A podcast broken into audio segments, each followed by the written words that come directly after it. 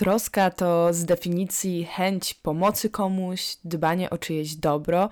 No i współcześnie raczej dla wszystkich oczywiste jest, że to jeden z przymiotników opisujących architekturę, nasze przestrzenie, to jakie projektujemy, ale nie zawsze to było ważnym czynnikiem. I dzisiaj w podcaście Architektura na głos mamy zamiar o tym porozmawiać. Ja nazywam się Gosia Rybak. I ja Dominika Jezierska. Zaczynamy. Architektura na głos.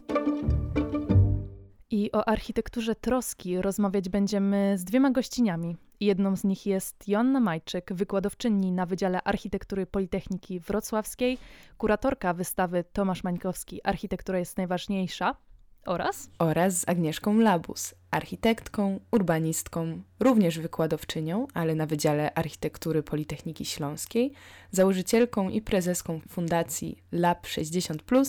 Bardzo miło nam dzisiaj z Wami rozmawiać. Cześć. Cześć. Cześć, mi również. Strasznie fajnie Was widzieć i słyszeć. To, co nas ciekawi, to jest taka troska w przestrzeni i architekturze, co dostrzegamy w obu Waszych aktywnościach i życiach zawodowych – Asiu, jesteś obecnie kuratorką wystawy o Tomaszu Mańkowskim, który sam bardzo mocno tą troskę propagował poprzez swoje działania w społeczeństwie i ingerencje przestrzenne. Teraz to wydaje się bardzo oczywiste, żeby mieć z tyłu głowy tą myśl o użytkownikach i ich przeżyciach, ale kiedyś to wyglądało inaczej. Sam tytuł wystawy, czyli Architektura jest najważniejsza, zmusza nas trochę, żeby się nad tym zastanowić. Stąd też pytanie do Was: czy rzeczywiście ta architektura jest dla Was najważniejsza? To jest pytanie z natury podchwytliwej, ale myślę, że architektura, bo my obie jesteśmy architektkami, ma to do siebie, że to jest zawód, który jest uprawiany z pasji.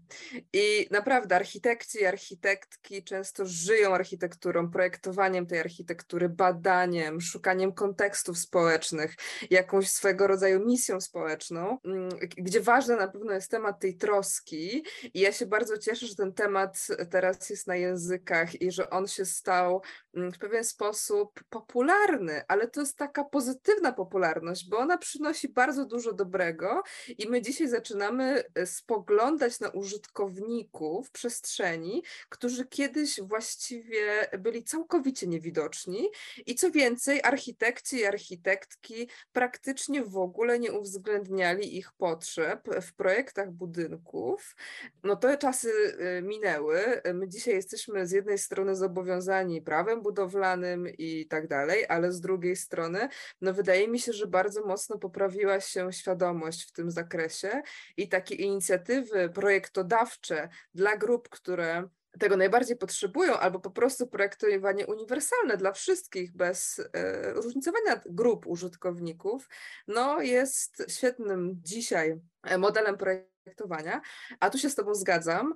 E, nam się wydaje oczywiste, że architektura powinna być dostępna i że każdy może z niej korzystać i że powinniśmy uwzględniać w niej potrzeby e, użytkowników nieludzkich wręcz, tak? czyli też zwierząt i przyrody i środowiska. No ale w ujęciu historycznym, tutaj trochę piję do wystawy Tomasza Mańkowskiego, no to nie jest takie oczywiste, ponieważ ta świadomość rodziła się ewolucyjnie, przez, y, myślę, cały XX wiek, od na pewno takiej rewolucji, którą przyniósł architekturze y, modernizm. Ja myślę, że tutaj Joasia bardzo wyczerpała temat, e, ale z, moj, z, mojego tutaj doświadczenia z jednej strony widzę to, to, o czym Joasia powiedziała, czyli pewną zmianę świadomości i tego, że architektura właśnie jest nastawiona teraz na y, to ujęcie przede wszystkim potrzeb właśnie użytkowników, użytkowniczek. I to jeszcze powiedziałabym w taki bardzo zróżnicowany sposób, kiedy my zaczynamy mówić właśnie o szczególnych potrzebach, a te szczególne potrzeby też definiujemy bardzo szeroko, bo z jednej e, strony kiedyś mówiliśmy o osobach niepełnosprawnych, później to ewaluowało do osób z niepełnosprawnością. Dzisiaj mówimy o grupach o szczególnych potrzebach. A ja mam takie wrażenie, że te grupy o szczególnych potrzebach, które definiujemy jako osoby, nie wiem, starsze, osoby z niepełnosprawnością, rodziny z małymi dziećmi, jeszcze bardziej ewaluuje, że my wszyscy jesteśmy osobami o szczególnych potrzebach w zależności od sytuacji życiowej czy etapu y, życia, na którym się znajdujemy. I mam takie poczucie, że mimo wszystko jeszcze oczywiście ta świadomość y, w architektach, architektkach y, rośnie ale y, mimo, mimo wszystko y, gdzieś mam wrażenie, że w ogóle wszystko zaczyna się od tak naprawdę definicji architekta i architektki, bo przecież nowa karta etańska mówi o tym, że to jest, e, że to jest mediator, tak? to jest, e, czy mediatorka, to jest e, osoba, która w tym procesie, no właśnie, y, to, to nie jest osoba, która projektuje budynki, ale tak, tak naprawdę, mm, czyli nie nawet sama kwestia projektu, ale istotą jest tutaj proces i tych wielu inwestycji. Wydaje mi się, że to też taka trochę rola e, psychologa, mm, więc jakby tutaj ta ewolucja mm, w ogóle właśnie z punktu widzenia tego, kim jest e, współczesna architektka i architekt, no myślę, że jest jakby kluczowa i, i, bardzo istotna z punktu widzenia tej empatii czy tego wrażliwego projektowania. Możemy powiedzieć o takim zjawisku historycznym, bo ja może tu trochę wystąpię jako pani od historii, e, chociaż nie chciałabym się w takiej roli sytuować, no ale jednak mm, e, wystawa Tomasza Mańkowskiego pokazuje to architekturę od połowy XX wieku do początku XXI wieku. No i jeśli przyjrzymy się e, tym czasom, czyli okresowi PRL-u, to właściwie ten okres w, swojej warstwie definicyjnej był przesiąknięty troską. Otóż e, konstytucja PRL-u zapewniła obywatelkom prawo do wypoczynku, e, skrócił się czas pracy, osiedla były wyposażone w usługi społeczne, kobiety mogły zostawić dzieci w szkołach i w przedszkolach, tak? Czyli właściwie można powiedzieć, że pozornie ta architektura była stworzona dla człowieka i człowiek był, jego podstawowe potrzeby były tutaj w centrum myśli architektów i architektek. No a w praktyce e, mieliśmy kładki projektowane ponad e, drogami, tak, przez które nie mogły przejść osoby z trudnościami w poruszaniu się. E, w praktyce mieliśmy przedszkola i żłobki, do których wejść prowadzą i do dzisiaj prowadzą schody, tak, więc ta mm, warstwa praktyczna praktyczna i teoretyczna e, mocno się rozbiega. Zresztą myślę, e, i myślę, że Agnieszka się ze mną zgodzi, że e, nasza przestrzeń publiczna w Polsce jest bardzo trudna dla użytkowania dla osób z trudnościami, chociażby w poruszaniu się, tak? Ja nie mówię o innych trudnościach. I my musimy jednak odrobić wielką lekcję, tak żeby te nasze miasta, wsie, małe miejscowości były po prostu przystosowane dla wszystkich użytkowników. Ja sobie tak myślę, że w ogóle tak współcześnie y, wiele obszarów naszego życia wymaga pewnej takiej redefinicji. I trochę też jest tak ze słowem e, troska, mam wrażenie. I to właśnie co Jasia powiedziała, e, też jestem absolutnie jakby tutaj w pełnej zgodzie, że niby wszystko za czasów tak e, modernizmu tutaj było, wskaźniki urbanistyczne, zapewnione odległości i tak dalej, ale gdzieś tam jednak to projektowanie pokutowało, można powiedzieć, w takim modulorze, tak, uśrednionym człowieku, który, który tak naprawdę ma podobne podobne potrzeby, a dzisiaj na projektowanie patrzymy przez pryzmat zróżnicowanych potrzeb, zróżnicowanych stylów życia i tego właśnie tej perspektywy życia codziennego, że inaczej poruszamy się po tej przestrzeni, czy inne potrzeby mamy, kiedy y, jesteśmy rodzicem z małym dzieckiem, inaczej kiedy jesteśmy właśnie gdzieś tam, mamy jakieś dysfunkcje, co wcale niekoniecznie jest zależne od wieku, bo, bo właśnie ja też zawsze staram się zwracać uwagę, że definiując, nie wiem, mówimy osoby starsze, mówimy osoby 60-letnie, wrzucając wszystkich do jednego worka, że kończymy 60 rok życia i ten wiek nam determinuje, że my już potrzebujemy laski albo potrzebujemy, e, no tak, tak to nie działa właśnie, więc raczej... No, e, ktoś mógłby się obrazić. Ciągle, no właśnie, ciągle, ciągle kształtuje u nas e, myślenie jednak mimo wszystko nie przez pryzmat e, realnych potrzeb, e, czy takich spójnego, że tak powiem, że zarówno w grupie, mm, nie wiem, dzieci mogą być podobne potrzeby, jak i w grupie powiedzmy właśnie osób, osób starszych. Więc wydaje mi się, że tutaj wracając jeszcze do tego nurtu tej troski i tego, że, że dzisiaj po prostu to zróżnicowanie jest dla nas istotne, co oczywiście też powoduje pewną trudność, bo to uśrednienie jednak mimo wszystko zawsze powoduje, że łatwiej nam jest e, coś zaprojektować i o ile to jest powiedzmy w przypadku budynków, kiedy odpowiadamy na potrzeby konkretnego klienta, na przykład z osobą z niepełnosprawnością jest to dużo prostsze, o tyle jest to, stanowi to bardzo duże wyzwanie w, właśnie w kontekście urbanistyki i projektowania chociażby przestrzeni publicznej, bo tutaj nie możemy powiedzieć, e, uśrednić tego, powiedzieć, że wszyscy mamy tyle i tyle wzrostu i e, mamy i takie, i takie potrzeby, bo te potrzeby są bardzo różne i to jeszcze na, w różnych momentach naszego życia. Więc to, to wydaje mi się, że, że po prostu słowo troska w tym przypadku z punktu widzenia projektowania, ale, ale nie tylko, bo jakby kiedyś e, mówiliśmy mm, też o architekcie czy architektce, y, którzy pełnili rolę pewnych ekspertów, narzucając w jakimś stopniu to, jak te, ten projekt ma wyglądać, czyli nie było tego współprojektowania, nie było tego elementu co-designingu, który jest tak naprawdę kluczowy, w którym znosimy prymat eksperta na rzecz e, właśnie tego, że taki mieszkaniec czy mieszkanka mogą mieć bardzo wartościowe spostrzeżenia i to oni tak naprawdę użytkują tą przestrzeń, więc oni ją najlepiej znają, a rolą e, jakby tego eksperta, w tym przypadku właśnie architekta, architektki jest, e, jest ta mediacja też pomiędzy różnymi osobami zaangażowanymi w ten dany proces, więc wydaje mi się, że ta troska, ona się mieści właśnie, wychodzi trochę poza ramy czysto, czysto tego projektu, tylko, tylko właśnie wchodzi w ten etap też procesowy. Dużo rozmawiamy o tej trosce, ale tak naprawdę każdy z nas ma jakąś swoją definicję, czym ona jest, zwłaszcza dla projektantów. Czy to czasem nie jest tak, że tworzymy jakąś własną interpretację tego, jak dbać o innych, no ale jak robić to w taki sposób, żeby nasze założenia projektowe naprawdę odpowiadały na potrzeby użytkowników przestrzeni, żeby naprawdę to była troska o nich kluczowa jest diagnoza i myślę, że to jest jakby element, który jest bardzo istotny, czyli ten etap badania potrzeb użytkowników, użytkowniczek e, danej przestrzeni, E, czyli tak naprawdę, jeżeli o kogoś się troszczymy, to z góry nie zgadujemy, w czym tkwi problem albo gdzie leży jakiś problem, tylko staramy się jakby dowiedzieć w tym momencie, czy e, odpowiednio zadać pytania, które dadzą nam informację, w jaki sposób możemy e, komuś pomóc, czy kogoś wesprzeć. Bo myślę, że to jest, ja może tutaj ze swojego podwórka podam taki przykład.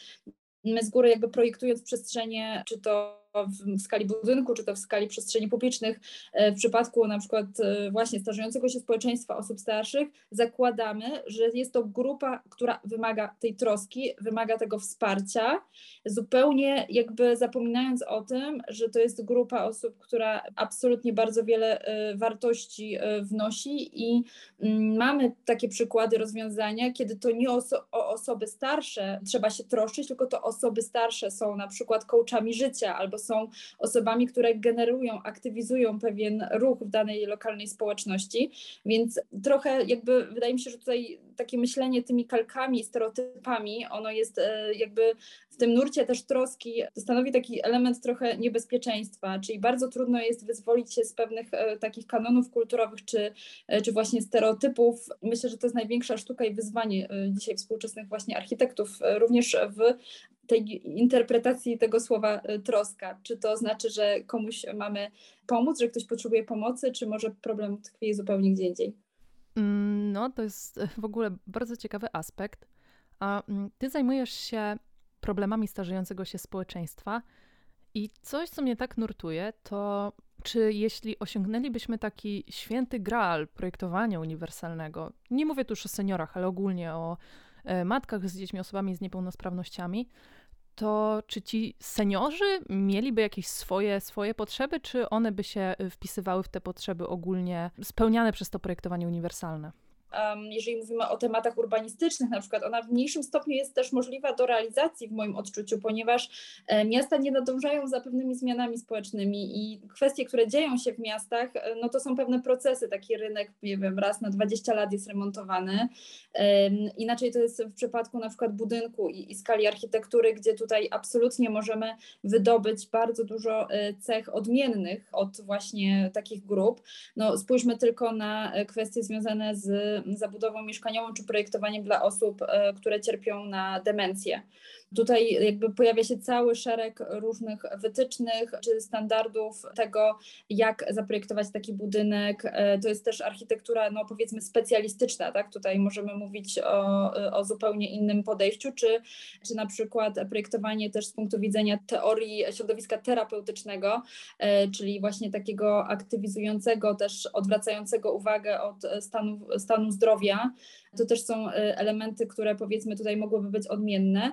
Natomiast kiedy mówimy o przestrzeniach e, właśnie publicznych, przestrzeniach wspólnych, to rzeczywiście statystycznie możemy powiedzieć, że osoby starsze to jest grupa, która będzie e, wymagała, czy która jest statystycz, statystycznie jej stan zdrowia się pogarsza. W związku z tym te udogodnienia związane chociażby z eliminacją barier przestrzennych, ale też z odpowiednią ofertą skierowaną do tej grupy, bo tu wydaje mi się, że bardzo dużo elementów tego środowiska zbudowanego wychodzi poza skalę architektury i to jakby ze sobą musi być kompatybilne, musi się wspierać. To znaczy, jeżeli my mówimy o przestrzeni wspólnej, to mam na myśli tutaj nie tylko przestrzenie zewnętrzne, ale również przestrzenie wewnętrzne, które dają możliwość aktywizacji, e, które dają możliwość integracji wielopokoleniowej, e, które też mogą być różnie zaprojektowane, ponieważ z jednej strony mówimy o tej wielogeneracyjności, o tym, o tym międzypokoleniowym podejściu,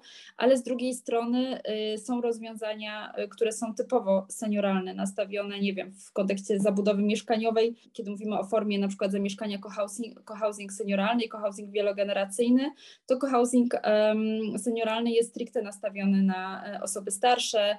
Nie wiem, udogodnieniem może być to, że mieszkanie jest zaprojektowane w taki sposób, żeby w każdym momencie można było wydzielić jeden pokój e, dla opiekuna, żeby był system przyzywowy e, w razie potrzeby, żeby można było wezwać pomoc, czy chociażby poręcze, które pozwalają na podparcie się, jeżeli jest taka konieczność.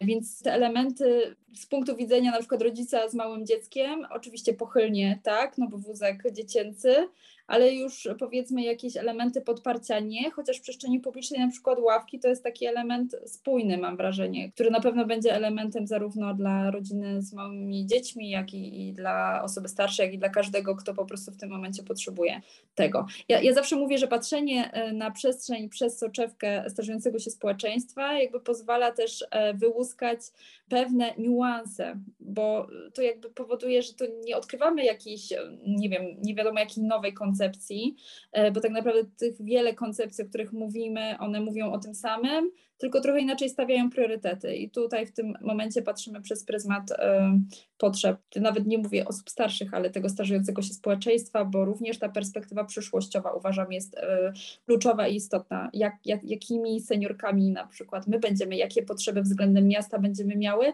a te miasta nie zdążą się tak szybko zaktualizować, bo miasta muszą się aktualizować. Mm, I tu jest największe wyzwanie jakby w tym. Tutaj powiedziałaś coś, co mnie intryguje bardzo, że jednak społeczeństwo to jest dynamiczny faktor w tworzeniu naszych przestrzeni. To jest coś, co jest czasem też trudno um, przewidzieć.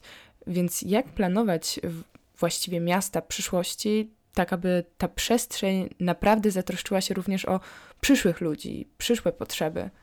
To jak krótko, przede wszystkim nie, musimy zacząć przestać myśleć w kontekście tego, że mamy jedną przyszłość i jedno rozwiązanie dla miasta.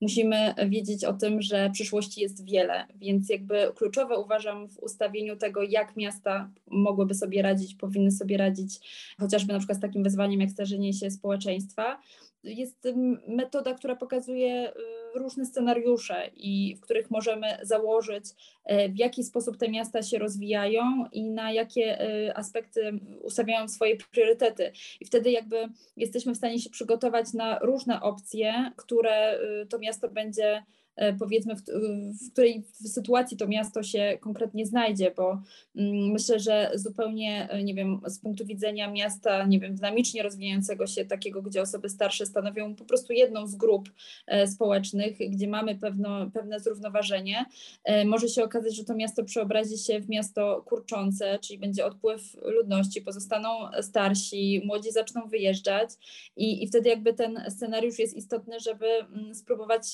się zastanowić, no dobra, to co wtedy, na co postawimy te swoje priorytety, czy dla nas będą kluczowy obszar mieszkalnictwa i właśnie rozbudowy systemu przestrzeni publicznych, czy bardziej tym priorytetem okaże się kwestie związane z mobilnością, transportem, a inny scenariusz może pokazać, że równomiernie pewne obszary rozwijamy, ale na przykład nie tak spektakularnie jak w innego rodzaju scenariuszu, więc wydaje mi się, że to, to jest jakby kluczowe, żeby nie myśleć tylko i wyłącznie jednym e, takim torem e, myślenia, jedną przyszłością. Mm, ja bym tu jeszcze wróciła może do postaci Tomasza Mańkowskiego, bo on twierdził, że za pomocą architektury można rozwiązywać pewne problemy społeczne.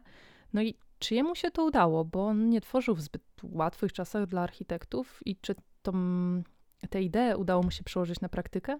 Tak, Mańkowski uważał, że architektura jest najważniejsza, bo architektura kształtuje przestrzeń, w której my wszyscy żyjemy, więc to jest pewnego rodzaju tak, taki uniwersalizm, który pewnie możemy i dzisiaj jakoś przyjąć i, i zaakceptować. My dzisiaj dyskutujemy o przyszłości miast, które są y, w dużej mierze zabudowane, chociaż my tutaj na Dolnym Śląsku można powiedzieć, że dalej mierzymy się z kwestią jeszcze odbudowy miast po II wojnie światowej, więc skala zniszczeń była um, niesamowita. Często krytykujemy dziedzictwo e, PRL-u, włącznie pewnie z projektami Tomasza Mańkowskiego, jak i innych architektów tej epoki.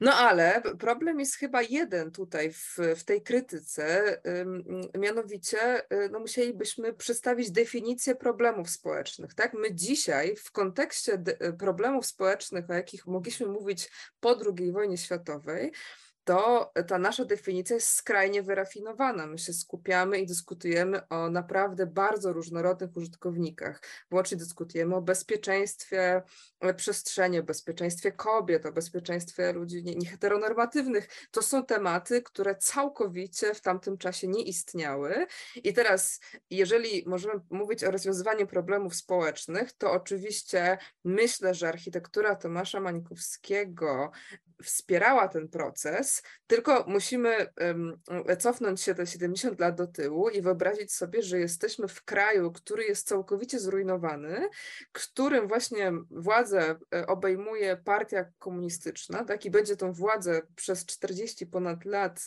miała, która w nawiązaniu do tego, co mówiła Agnieszka, nie myśli przyszłościowo, która nie myśli o tym, że miasta się będą rozwijały w różny sposób, która nie zakłada, że ustrój socjalistyczny kiedyś minie, tak? Więc nie projektuje elastycznie, e, nie projektuje wielowariantowo. Co więcej, no, mamy dwa gigantyczne boomy urodzeń lat 50. i lat 80. Ludzie żyją dużo krócej niż dzisiaj, więc problem seniorów też nas specjalnie e, nie interesuje. Raczej interesuje nas problem zapewnienia mieszkań, e, ponieważ e, no, liczba narodzin jest stała i dosyć wysoka i po prostu młode małżeństwa nie mają gdzie się podziać, więc te problemy społeczne są kompletnie inne. Do tego mamy społeczeństwo, które jest straumatyzowane wojną. Tomasz Mańkowski jest osobą, która ma żydowskie pochodzenie. On się zmagał i przed wojną, i po wojnie z antysemityzmem e, do tego stopnia, że nie zdecydował się na powrót do swojego rodowego nazwiska Eiben Schutz, tylko przyjął nazwisko osób, które go uratowały z tego Holokaustu. I on ma kompletnie inną perspektywę, całkowicie inną perspektywę. I teraz, jeśli mówimy o tamtych czasach, o problemach społecznych, no to one się e, skupiają na zapewnieniu absolutnie podstawowych potrzeb, czyli prawa do mieszkania, e, prawa do godnego życia, prawa do dostępu wręcz do urządzeń sanitarnych. Więc zaczynamy od takiej historii, która jest absolutnie elementarna i która po prostu daje tym ludziom w miarę, no, w cudzysłowie, godne życie, zwłaszcza biorąc pod uwagę, że w okresie międzywojennym budownictwo w Polsce było dramatyczne i warunki mieszkaniowe, zwłaszcza tak zwanej klasy robotniczej, były po prostu tragiczne. W związku z czym budowa nawet bloków mieszkalnych była gigantycznym wzrostem jakości życia e, milionów ludzi w kraju. E, to jest nieporównywalne z tym, co, co dzieje się dzisiaj. E, no i ta architektura po prostu z czasem ewoluowała i ewoluowały definicje, o których dzisiaj mówiłyśmy, ewoluowały definicje też troski. Dla mnie też bardzo ciekawym wątkiem jest ten mówiący o tym, kto tworzy architekturę. I ja zgadzam się z tym, że dawniej architekci i architektki występowali raczej w takiej w stylistyce demiurga, decydenta, osoby, która e, e, mówi, jak, jak ma żyć, czy pro, jak użytkownik ma tę przestrzeń um, użytkować, która projektuje osiedla jakby z całymi układami urbanistycznymi.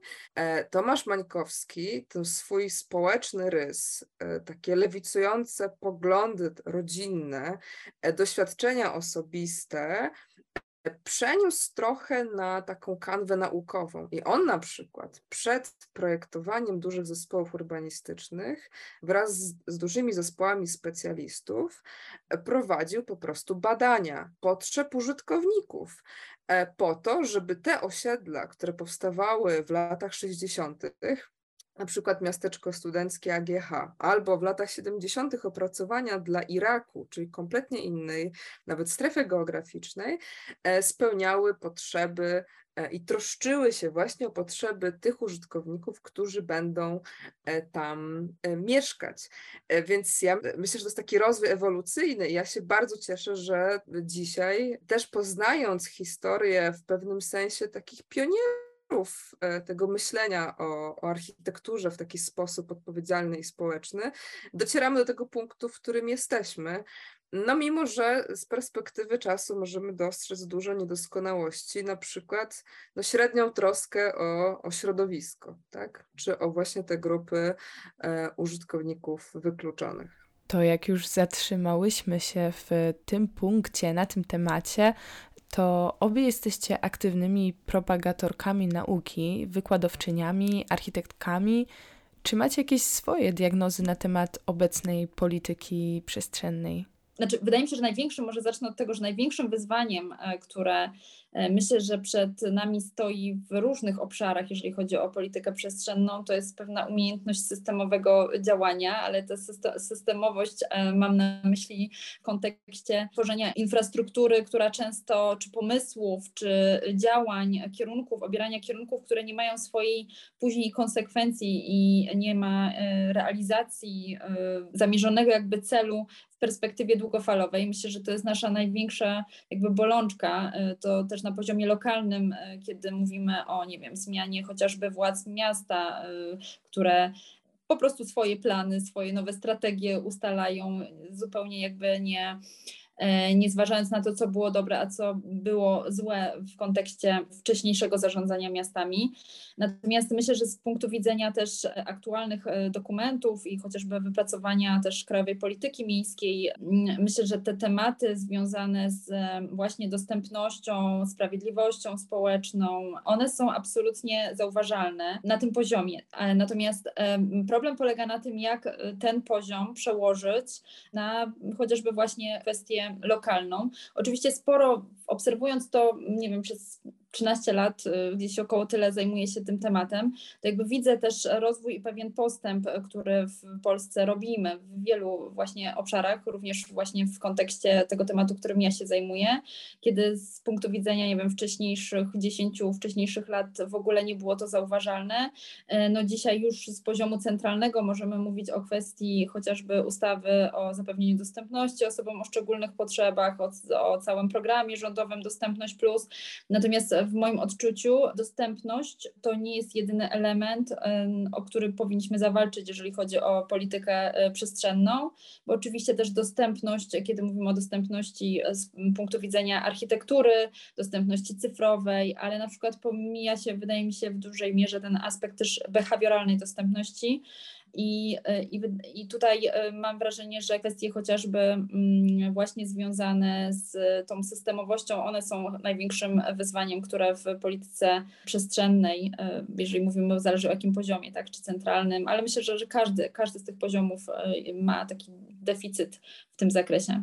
Ja się zgadzam. Ja może nawet będę tutaj bardziej radykalna. Y, moim zdaniem to wszystko nie działa i my po prostu cofamy się w pewnym sensie w rozwoju, bo z jednej strony można powiedzieć, że został opracowany system też tworzenia dokumentów planistycznych, to znaczy mamy studium, tak, studium Wrocławia, na podstawie studium Wrocławia, które jest przecież opatrzone wieloma badaniami o zróżnicowanym charakterze, powstają plany miejscowe, na podstawie planów miejscowych powstaje architektura, do tego mamy coraz bardziej doskonałe przepisy, które czasami nawet e, przełamują opór i zmuszają nas do stosowania różnych rozwiązań, mm, na przykład prodostępnościowych, a jednocześnie nasze miasta rozwijają się całkowicie chaotycznie. Po prostu rozwój Wrocławia jest dla mnie trochę niezrozumiały i jest podyktowany w dużej mierze mm, kwestiami kapitału, tak sprzedażą gruntów albo inwestycjami deweloperskimi. I ja tak patrzę na to z, z perspektywy trochę historycznej, no bo z jednej strony oczywiście robimy postęp i no, trzeba przyznać, że cały czas gdzieś ten rozwój architektury i ta świadomość jest, jest coraz wyższa, a z drugiej strony, jak widzę osiedla budowane dzisiaj na obrzeżach miast albo w gminach ościennych, bez dostępu do usług, bez kształtowania terenów publicznych, bez terenów zielonych, bez przedszkoli, żłobków i tak dalej, i tak w sytuacji, kiedy chwilę później narasta problem komunikacyjny, powstają protesty społeczne, które domagają się albo doprowadzenia autobusu tak, do jakiejś gminy podmiejskiej, albo zmiany trasy szybkiego ruchu, która nagle okazuje się, że przebiega przez bardzo intensywnie zabudowany teren, właśnie zabudową mieszkaniową, no to zadaję sobie pytanie, co jest y, nie tak, tak? Gdzie został popełniony błąd, że miasta, mając wykwalifikowaną kadrę i świetnych architektów, i świetnych urbanistów, tak, i wydawałoby się, że tę świadomość, idą w tym kierunku. I ja nad tym e, mocno ubolewam i mam takie poczucie, że my już wiemy, jak projektować miasta. To znaczy, na poziomie teoretycznym e, możemy stworzyć koncepcję, wizję, e, możemy mm, usytuować się w jakimś nurcie, tak, a w poziomie praktycznym y, to nie działa. I oczywiście ja rozumiem, że nie da się dzisiaj na przykład projektować osiedli o tak niskiej intensywności zabudowy jak 30-40 lat temu, no bo to jest niemożliwe, zwłaszcza w śródmieściu, ale z drugiej strony weźmy pod uwagę, że wtedy dało się projektować osiedla razem z kompleksem usług i z terenami zielonymi, tak? A teraz coś się okazuje niemożliwe. Więc no, z dużym żalem ja patrzę przynajmniej na, na kierunek, w którym, w którym to wszystko zmierza podejrzewam, że my w czwórkę pewnie jesteśmy w takiej trochę bańce, że no, na mediach społecznościowych co jakiś czas wyskakują nam te projekty, no, projekty, które chcielibyśmy odzobaczyć. No ale z drugiej strony, nawet poza tą bańką, to każdy pewnie gdzieś tam widział tą e, taką pieczątkową powiedziałabym, zabudowę podmiejską. No i mamy tą taką wizję tego złego dewelopera, który chce zdobyć maksimum kapitału, ale kusi mnie jednak, żeby zapytać, czy mamy w Polsce, tutaj e, u nas, jakichś jednak inwestorów, którzy chcą coś więcej niż e, tylko czysty zysk. Chcą coś więcej dać przestrzeni, czy zamieszkującym ją później mieszkańcom. Może i są takie projekty ja myślę, że my tu nie powinnyśmy reklamować nikogo. Dobrze to Zbigniew Maćków na, powiedział w którymś wywiadzie, że teraz y, architektura uwolniła się od normatywu mieszkaniowego, który wyznaczał powierzchnię przypadającą na użytkownika ale ten normatyw, e, to już teraz parafrazuję, więc mogę to lekko przeinaczyć, określił sam kapitał, tak? czyli to, na ile metrów kwadratowych ludzi stać. I okazało się, że te mieszkania, które dzisiaj budujemy, są, e, nie wiem, mają 30 parę metrów, tak? 40 parę metrów, e, no albo w ogóle mają kilkanaście metrów i, i nie są mieszkaniami. Więc wydaje mi się, że w takich regulacjach, kiedy rynek właściwie opiera się na kwestiach sprzedaży, tak, kupna sprzedaży. I do tego mamy do tej pory gigantyczną dziurę, jeśli chodzi o liczbę mieszkań w Polsce, no to trudno jest w takiej sytuacji wymusić rozwiązania projakościowe, no i też ciężko, żeby deweloperzy prowadzili jakąś politykę filantropijną i sprzedawali za pół ceny albo sprzedawali y, mieszkania po kosztach. Oczywiście mamy w Polsce dobre projekty, to nie można wszystkich wkładać do mm, jednego worka, ale wydaje mi się, że sposób, w jaki ta architektura powstaje, czyli w taki, można powiedzieć, wolnorynkowy, nie ułatwia e, poszukiwania i przede wszystkim realizacji rozwiązań o wyższej jakości. Znaczy ja, ja, też podzielam to zdanie, e, natomiast e, myślę, że też e, tutaj jakimś być może rozwiązaniem mogłoby być łączenie sił w projektach różnych, w takim partnerstwie publiczno-prywatnym. Na przykład takie projekty dzieją się, one często są na poziomie, można powiedzieć, pilotażowym, eksperymentalnym. Ja może tutaj powiem o przykładzie Warszawskiej Dzielnicy Społecznej, która właśnie miała być projektem, który miał zostać zrealizowany i wszystko było na, na dobrej drodze, żeby, żeby w tą stronę pójść, jednak zostało to na poziomie koncepcyjnym, ale z tego co wiem, w tym modelu rozwijane są też osiedla deweloperskie właśnie w Polsce i myślę, że to też jest troszeczkę tak, że, że my znowu też mamy ten stereotyp e, tego złego dewelopera, który, e, który nie ma tej misji życiowej, tylko chce, e, chce zarobić pieniądze. Z drugiej strony jest to też w jakimś stopniu zrozumiałe, ale też, też jestem tego zdania, żeby jakby nie, nie wkładać wszystkich do jednego worka, bo mm, jest, nie chciałabym użyć jakby słowa, ale na pewno y, kilkanaście realizacji w Polsce, które, y, które są godne uwagi i mogłyby być y, dobrą e, praktyką.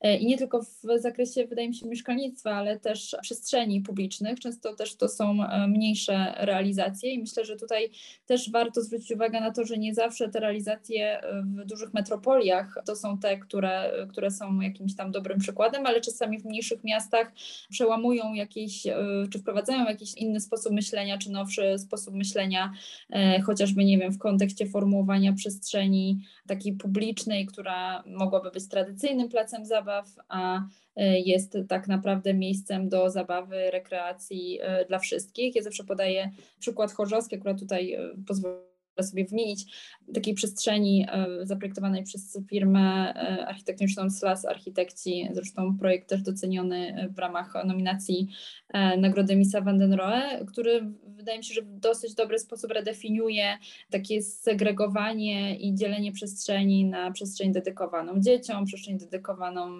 właśnie, nie wiem, osobom starszym. Z mojego punktu widzenia on właśnie w taki bardzo nowoczesny sposób pokazuje, mm, jak do mieszania tych różnych stref i funkcji można podchodzić e, z punktu widzenia tego, e, że jesteśmy osobami, które czasami chcą poobserwować otoczenie i gdzieś tam tą aktywność bierną uprawiać, a czasami czynną. Więc zwróciłabym też właśnie uwagę na te, na te przestrzenie w mniejszych miastach, ale takie, które są też przestrzeniami publicznymi, nie tylko, nie tylko sama kwestia deweloperki. Architektura na głos ta troska, o której rozmawiamy na poziomie wykonanych budynków, końcowego procesu projektowego, to trochę brzmi, jakby niektórzy zagubili może gdzieś po drodze to, to pojęcie troski.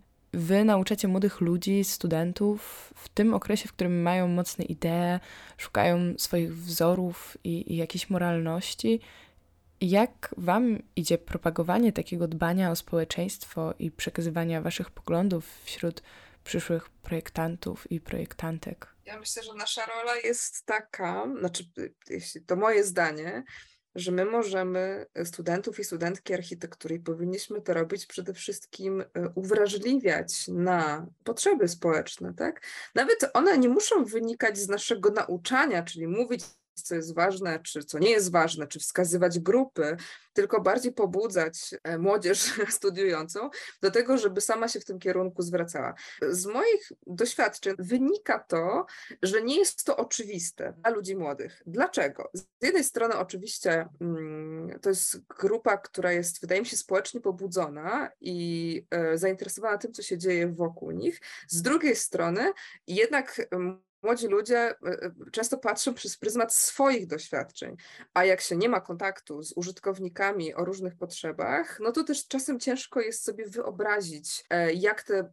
przestrzeń będą użytkowali inni ludzie, tak? Czyli na przykład osoby starsze albo właśnie osoby, nie wiem, które, chociaż matki z dziećmi, to jest, to jest też grupa, która ma problem z poruszaniem się w przestrzeni. Więc to uwrażliwianie jest moim zdaniem ważne.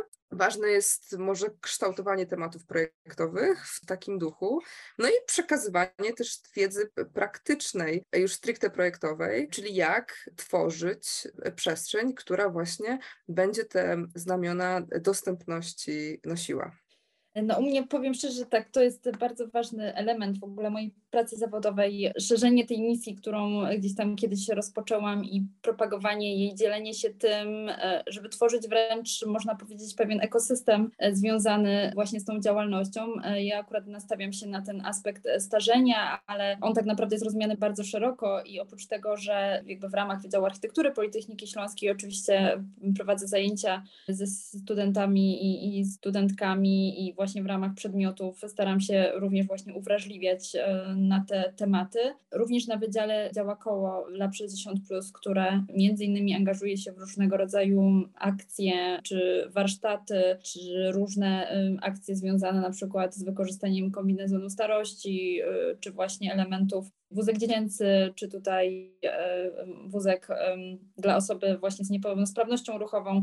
To wszystko powoduje, że jeżeli studenci, zresztą mamy na Wydziale Architektury od dwóch lat bodajże przedmiot, który nazywa się projektowanie uniwersalne, więc jakby już te nowe roczniki, mam wrażenie, że one wchodzą już też troszeczkę taki inny tryb, gdzie projektowanie uniwersalne to nie jest coś ekstra, jak do tej pory było rozumiane, ale to jest pewien standard, od którego w ogóle się wszystko powinno zaczynać i jakby nie ma innego projektowania, tylko jest projektowanie uniwersalne uniwersalne. I, to wydaje mi się, że to jest jakby bardzo, bardzo ważny element, ale też jakby poza uczelnią, ale mimo wszystko wspierając ten cały ekosystem, prowadzę fundację Lab 60, która um, można powiedzieć, że um, jest takim elementem, dzięki któremu te badania i, te różne tematy, które podejmujemy, jest szansa testować i sprawdzać i wdrażać je rzeczywiście w praktyce w różnych obszarach.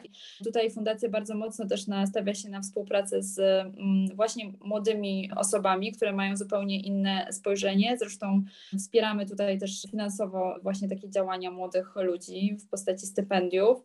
I dwa lata temu uruchomiony również kolektyw, który ma trochę szersze spektrum niż tylko, można powiedzieć, działania właśnie przyszłych adeptów architektury i w ogóle urbanistyki era nowej starości, czyli można powiedzieć forma, która mm, ma, czy kolektyw, który ma na celu właśnie wypracować narzędzia do tego, jak przygotować się do starości, ale jednocześnie też z tym nastawieniem no, mm, nikt nam nie powie, jak y, będziemy się starzeć, my sami jakby możemy na to zapracować, a często jakby z tych doświadczeń projektowych właśnie fundacji i rozmów też z osobami starszymi wynika, że ludzie do starości po prostu się nie przygotowali, nie przygotowali się na tą starość, ona ich zaskoczyła. Więc jakby tutaj uważamy, że, że bardzo istotnym elementem jest w ogóle redefinicja też współcześnie tego słowa w ogóle i w ogóle tego, tej kwestii związanej ze starzeniem się, bo tak naprawdę starzejemy się od momentu urodzenia, można powiedzieć tu, jak nie wiem, prowadzimy, tak rozmawiamy, to nie młodniejemy niczym w filmie Benjamin Button, tylko, tylko się starzejemy. Więc to wszystko jest pewna kwestia też e, pewnej perspektywy um, i, i to jest też ten element, który wyniknął tak naprawdę po pięciu latach działalności e, fundacji na kanwie takiej projektowej, że jeżeli my chcemy zmieniać miasta, chcemy zmieniać nasze przestrzenie, budynki, zmieniać e, właśnie sam sposób gdzieś tam podejścia do projektowania, to my najpierw musimy budować tak zwany zapał w społeczeństwie do tego, żeby odpowiadać tym tematem w sposób aktualny dla naszych potrzeb potrzeb, a nie dla potrzeb pokolenia dzisiejszych seniorów, seniorek, no bo to jednak się będzie e, zmieniało. Więc jakby kluczowe jest to, żeby edukować. Ja zawsze mówię, że to nawet od przedszkola powinno się zaczynać. I tutaj podobnie i z tematem jakby starości, ale też z tematem architektury i e, pewnego jakby obcowania z tymi tematami. Myślę, że tu jakby bardzo, bardzo mamy duże braki. Więc ja no jestem taka trochę szalona w tym i chciałabym bardzo dużo rzeczy robić, ale wiadomym jest, że, że to jest jakby to, co też tutaj staram się robić w tych swoich działaniach, to jest pewien jakiś zaczyn czegoś i też widzę pewną trudność, kiedy teraz ten temat projektowania uniwersalnego, można powiedzieć, jest jednym z takich top tematów, y, które studenci i studentki chcą podejmować, ale jeszcze tak powiedzmy 5-6 lat temu zupełnie tak nie było i w ogóle bardzo trudno jest zbudować też odpowiedni język, wydaje mi się, do tego, żeby do takich tematów zachęcić, ponieważ na przykład ten temat, którym właśnie zajmuję się, czyli starość, to jest temat bardzo abstrakcyjny. I e, ten kombinezon starości i te wszystkie elementy, one czasami nie wystarczą. To jest na tyle duża abstrakcja dla młodego człowieka i na tyle obcy temat, e, że to jest to też bardzo, bardzo trudne. E, kombinezon starości? Czym on jest? Jak on działa? To jest kombinezon, który imituje, można powiedzieć, pewne odczucia dysfunkcji, które może mieć osoba w starszym wieku. Jest to związane z tym, że są pewne obciążenia na poszczególne gdzieś tam partie stawów, czyli ogólnie jak go ubieramy, to cali jesteśmy tacy ociężali i ciężko nam się poruszać. Do tego są okulary takie specjalne, znaczy wersji kombinezonów jest wiele i są różne, ale są okulary, które powodują, że mamy taki przyżółkawy, że tak powiem, obraz trochę jak, jak imitacja jaskry.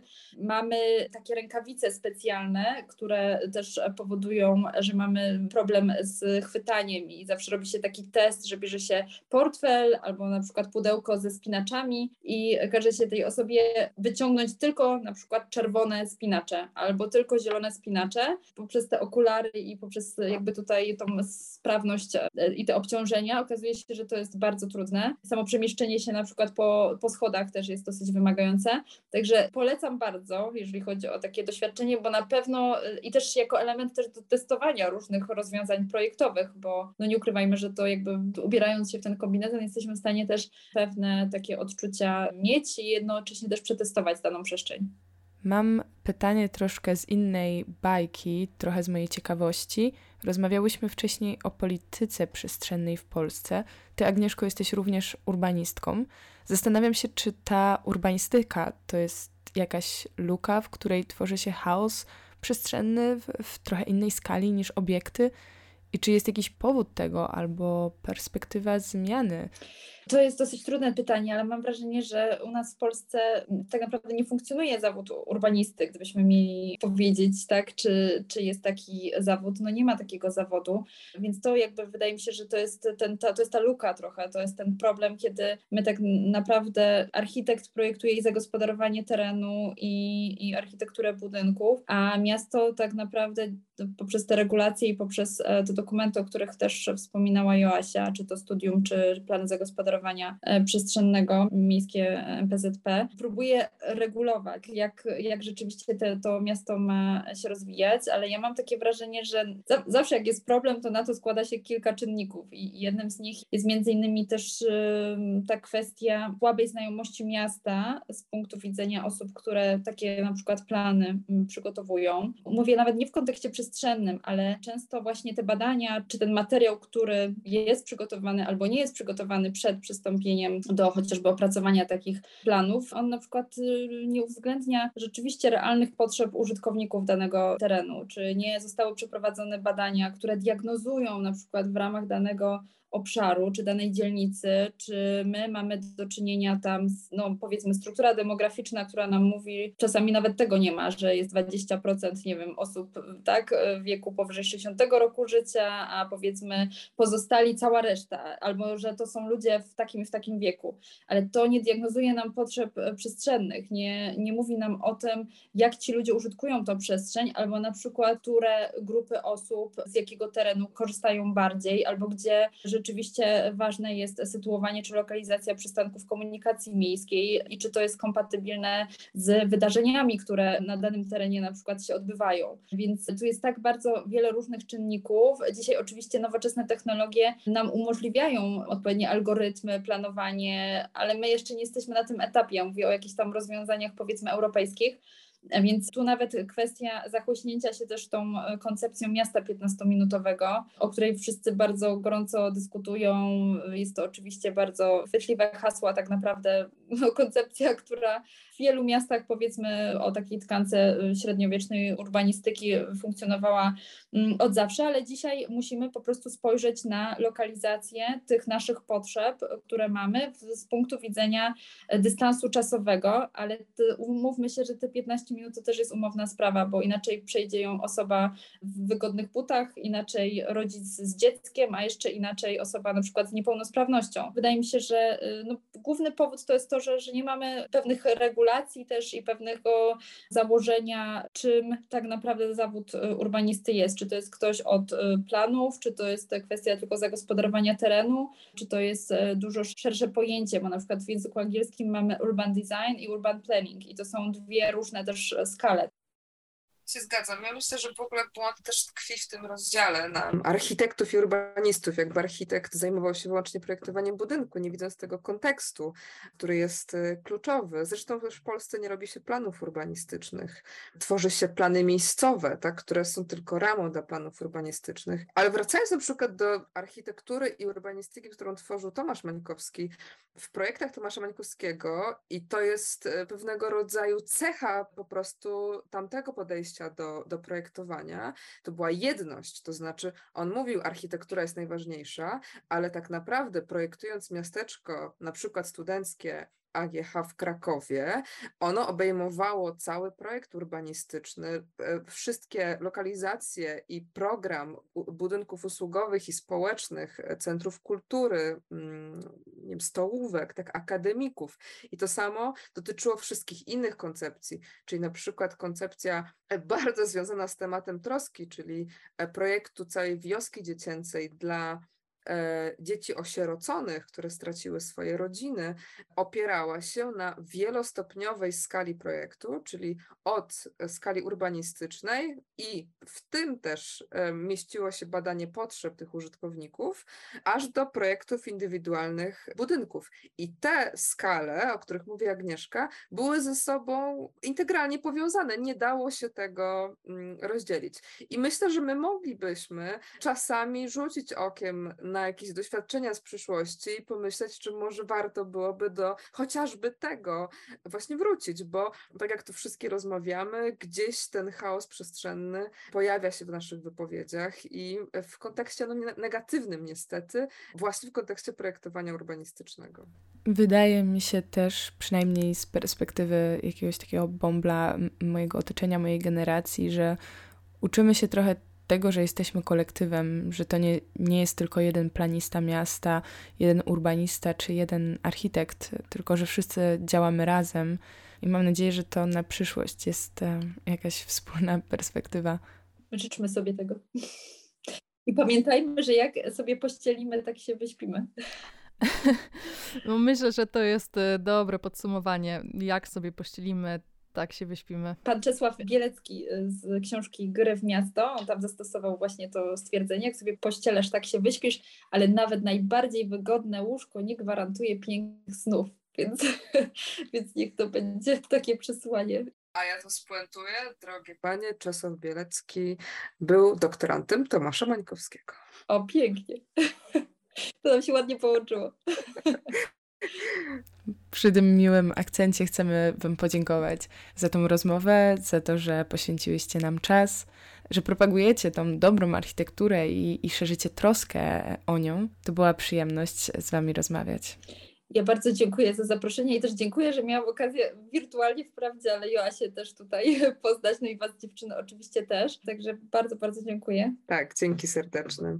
To był podcast Architektura na głos, tworzony przez Muzeum Architektury we Wrocławiu oraz Akademickie Radio Luz. Dziękujemy, że byliście z nami.